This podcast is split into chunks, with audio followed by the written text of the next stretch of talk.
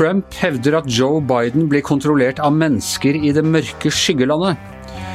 Og den politiske enigheten i Norge er mye bredere, men konfliktnivået er likevel høyt. Relativt høyt, i hvert fall. Dette er Giæver og gjengen. Det er onsdag den 2. september. Ja, eh, Per Olav. Eh, Trump var i eh, Kenosha i Wisconsin i natt for å snakke om opptøyene. La han an en forsonende tone? Nei, det vil jeg ikke si. Han var veldig i kjent stil. Men jeg tror han var ganske fornøyd med dagen de to timene han oppholdt seg der. Jeg tror han fikk fram det han ville. Og det var lov og orden, selvfølgelig. og han kalte vel, kalte vel demonstrantene for, for, eh, terrorister, eller altså for domestic terrorism? Ja, som ikke hadde noen ting med protester å gjøre. Og han var jo opptatt av å bli avbildet, da, eh, der hvor det hadde, for, hvor det hadde vært brannstiftelse og vandalisme, eh, som et eksempel da på de ødeleggelsene som følger i kjølvannet av eh, demonstrasjonene. Og det er den der lovløsheten som Trump nå hamrer inn. At dette er det som er framtiden hvis Joe Biden blir valgt eh, vold, kaos og vandalisme i byer styrt av demokratene. Og da enda verre hvis hele landet skal bli styrt av demokratene. Og i forkant av dette, altså dagen før han eh, dro til Kenosha, så ga han et intervju til Fox News til Laura Ina Graham, som er en av hans uh, Pappenheimere, får vi vel si, på, på, Fox News. Og da hevdet han at disse uh, protestene og voldelige demonstrasjonene Uh, i likhet med Joe Biden var iscenesatt og styrt av mennesker fra det mørke skyggelandet. Nå ber jeg deg forklare hva han mener med det. Det er jo ikke sikkert du vet det, men, men det er en ganske spesiell retorikk. Det er jo ikke så uvant at Donald Trump eh, kringkaster sånne konspirasjonsteorier. Han, fikk jo på en måte en, han startet jo sin politiske karriere med denne teorien om at Obama, som da var president, ikke var født i USA og derfor ikke var lovlig valgt. Og det fikk han jo stor oppmerksomhet om, selv om det jo var en falsk påstand. Og han har siden vært veldig rask med å viderebringe og retweete forskjellige konspirasjoner. Um, og dette han nå snakket om, det har nok en viss gjenklang i, i den harde kjerne av tilhengere, fordi de kjenner denne type påstander. Men det var ganske oppsiktsvekkende altså Til tross for at, er, at, dette her ikke er helt uvanlig fra denne presidenten, så må jeg si at det var ganske oppsiktsvekkende, disse påstandene, som var helt uten forsøk på å belegge dem, men, eller komme med noen dokumentasjon på det. Dette her med at et fly som var fullastet med såkalt kjeltringer i svarte uniformer eh, og med utstyr, som da angivelig skulle være på vei ta til Washington i forrige uke fra et eller annet sted, for å forstyrre da republikanernes landsmøte. Det var en påstand han kom med. En annen påstand var dette at det var med anførselstegn veldig dumme, rike mennesker som da betalte demonstrantene som nå er ute i gatene for å demonstrere mot rasisme. Og eh, da dette du var inne på, at Biden er styrt av mennesker vi aldri har hørt om, mennesker som befinner seg i den mørke skyggen, som han sa. Og selv Laura Ingraham, eh, som normalt er ganske sympatisk innstilt til denne presidenten, sa at dette høres ut som konspirasjonsteorier. Hvilket også er.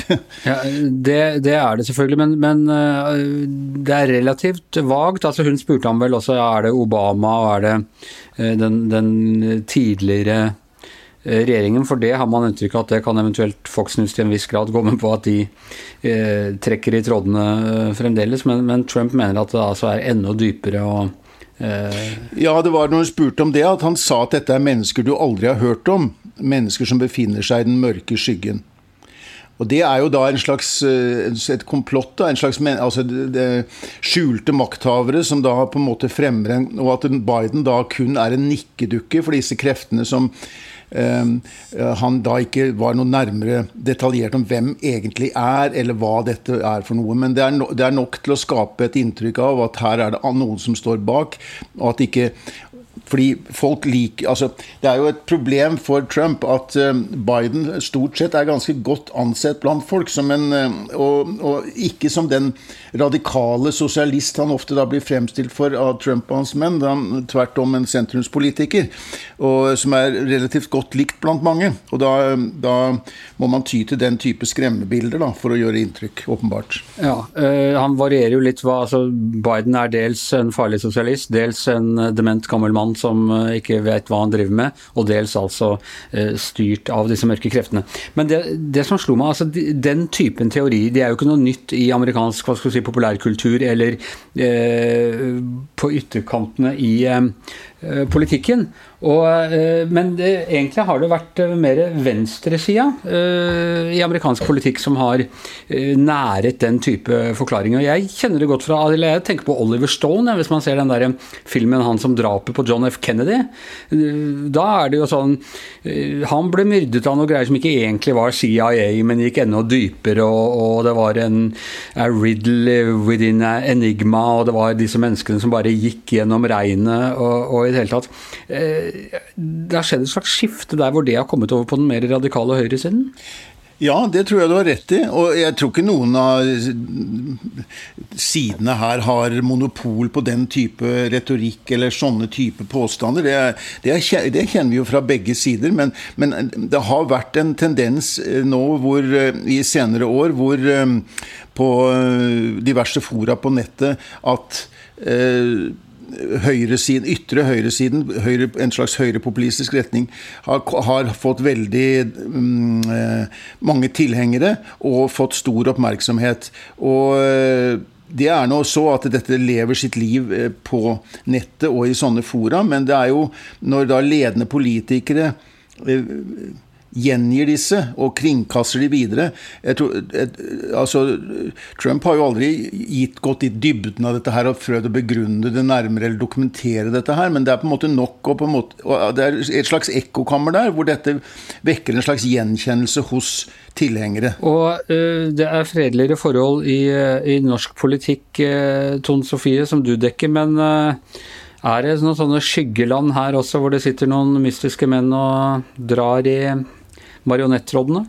Nei, akkurat den beskyldninga har jeg faktisk ikke hørt, men uh, det, det, går hardt for seg. Og i helga så tror jeg hele nasjonen satt og fulgte fylkesårsmøtet til Trøndelag Arbeiderparti. Og i hvert fall uh, folk som ser det fra utsida, som ikke har liksom en uh, er en del av de ganske mange konfliktene, vil jeg si.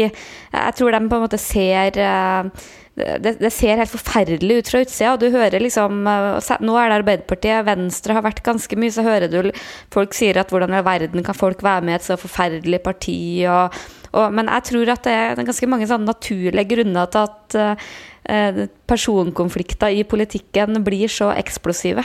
Men noe av det konspirative kan man jo også kjenne igjen. ikke sant? Man hører da historien at ja, det er krefter i Arbeiderpartiet som ikke vil at Giske skal bli valgt, ikke pga. metoo, men fordi han er så, sånn og sånn, eh, enten for radikal eller for konservativ, eller, eh, og derfor har de lovet posisjoner til den og den. Og det er jo en, en slags eh, påstand, og ikke, ikke, nødvendigvis totalt ubegrunnet heller, om at det gjøres dealer på bakrommene, og noen av oss har snakket sammen, og, og hele denne nettverksbyggingen vet vi jo kan være vel så viktig i politikken som de politiske standpunktene du inntar?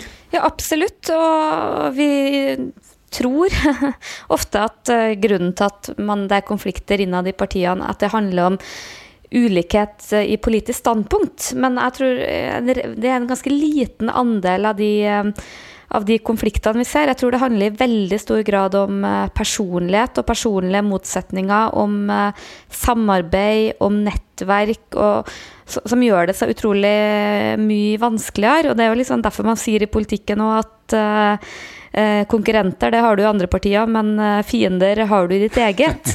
og, og og ja, det ser jeg også at veldig mange politikere, selv om de på en måte er i strupen på hverandre i, i, i debatter og sånn, så ser du på bakrommet så ser du liksom at Frp og Senterpartiet snakker veldig godt sammen og virker som de har både mye omsorg og, og mye liksom, tillit til hverandre over partigrensene, mens internt i partiene, når det virkelig koker sånn som det har, har gjort nå i Trøndelag Arbeiderparti, eller hele Arbeiderpartiet har vel egentlig slitt med det noen år nå. Du, Venstre har jo vært veldig eksponert. Vi hadde litt til KrF uh, under det her veivalget. Men sånn, da blir det ekstremt betent. Men jeg tror alle partier har hatt dårlige perioder hvor, uh, hvor, det blir sånn. Og da er det ofte også sånn at det går dårlig med meningsmålinger og andre ting som også forsterker de her konfliktene. Ja, fordi det har vært Arbeiderpartiet nå, og den nedsmeltingen var jo helt spektakulær. Men det har jo ridd. Altså Fremskrittspartiet har jo hatt alle disse her fraksjonsgreiene har det til en viss grad ennå.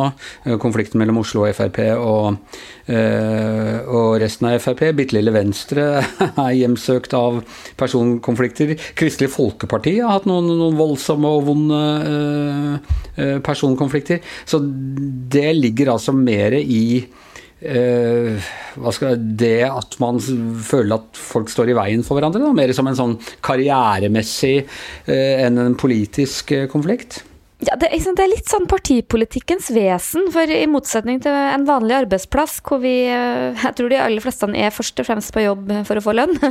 Og så um, er det selvfølgelig fint med kolleger og fellesskap og alt det der, men det gjør jo også at det er liksom et sett spilleregler du må forholde deg til. Du kan mislike både sjefen og kollegaen, men eh, du må oppføre deg Sånn er det jo ikke i politikken. Folk er sammen av Det er de underligste grunnene til at folk er medlem av et parti, og du kan se folk i, i samme parti som framstår utrolig forskjellig og, og drevet av helt ulike ting.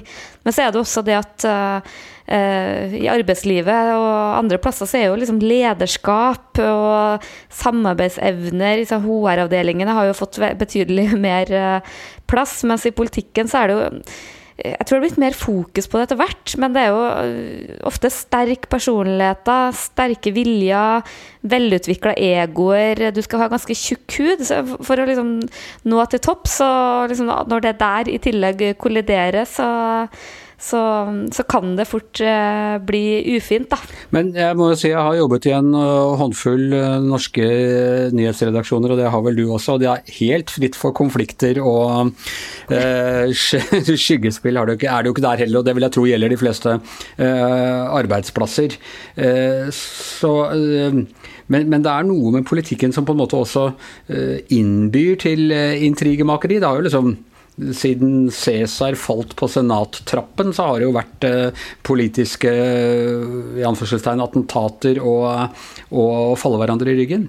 Absolutt. Og jeg tror eh, hvis man hadde liksom gått litt sånn under overflata, så tror jeg du har sterke konflikter selvfølgelig på mange arbeidsplasser. Du har det i eh, organisasjonslivet, du har det i menigheter. Men eh, politikken har jo det spesielle med det enorme søkelyset også det å søke oppmerksomhet for en politiker er jo en del av kjernen. Og i tillegg så er det jo en reell eh, konkurranse om makt. Det er eh, stor makt. Det er mer enn man kan si om et hvis det bryter ut eh, full krig i et kor, liksom, så er kanskje ikke det så viktig for samfunnet. Men mens et politisk parti så har jo det en helt direkte innflytelse over hvordan land og kommuner og sånn styres.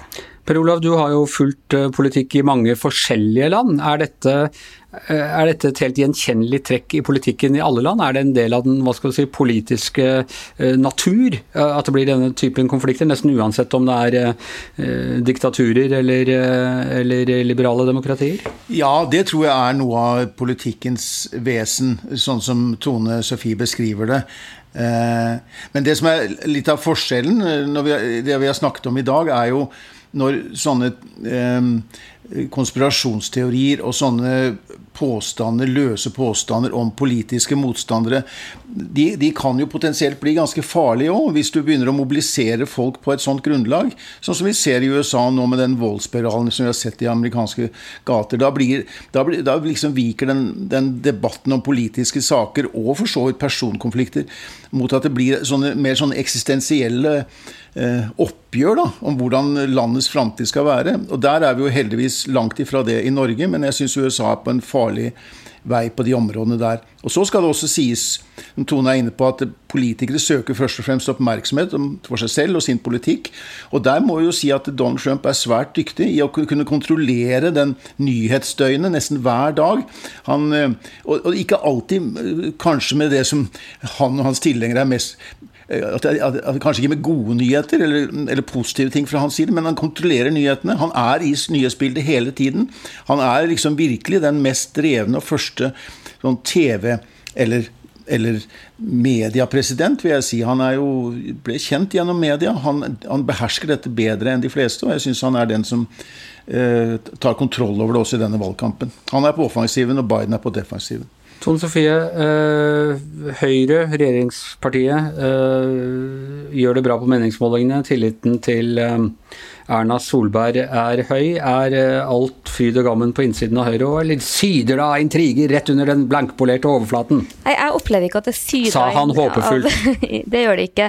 Det er en viss utålmodighet om hva skal Høyre være, hvor lenge kan vi på en måte nøye oss med å være en uh, ivrig heiagjeng til Erna Solberg å være det her såkalte limet i regjering. Så jeg tror nok at det er litt sånn litt mer uh, skur der enn det kan se ut. Men, men, Høyre er jo et parti som virkelig bekrefter den der uh, at går det bra, eller går det dårlig ett sted, så går det dårlig overalt. For jeg husker jo veldig godt når Erna Solberg var ny partileder.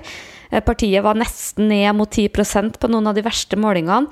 Og det var så stygt. Jeg husker i Trøndelag at jeg hørte politikere kalte henne for Erna Fjerna, og det var en sånn baksnakking og sånn av det partiet som Um, for oss som sto utafor, var nesten var ille å høre på. Og så har på en måte hun bygd opp sin posisjon, det har gått bra på målingene, blitt veldig vellykka politiker.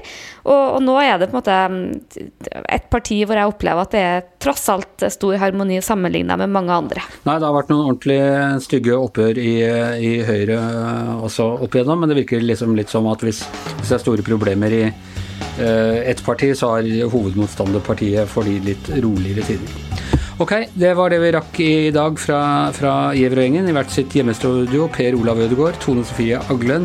Jeg heter Anders Giæver, og mannen som slår ned på alle tilløp til intrigemakeri i, på hjemmekontorene og ellers i podkaststudio, er produsent Magne Antonsen. Vi høres igjen i morgen.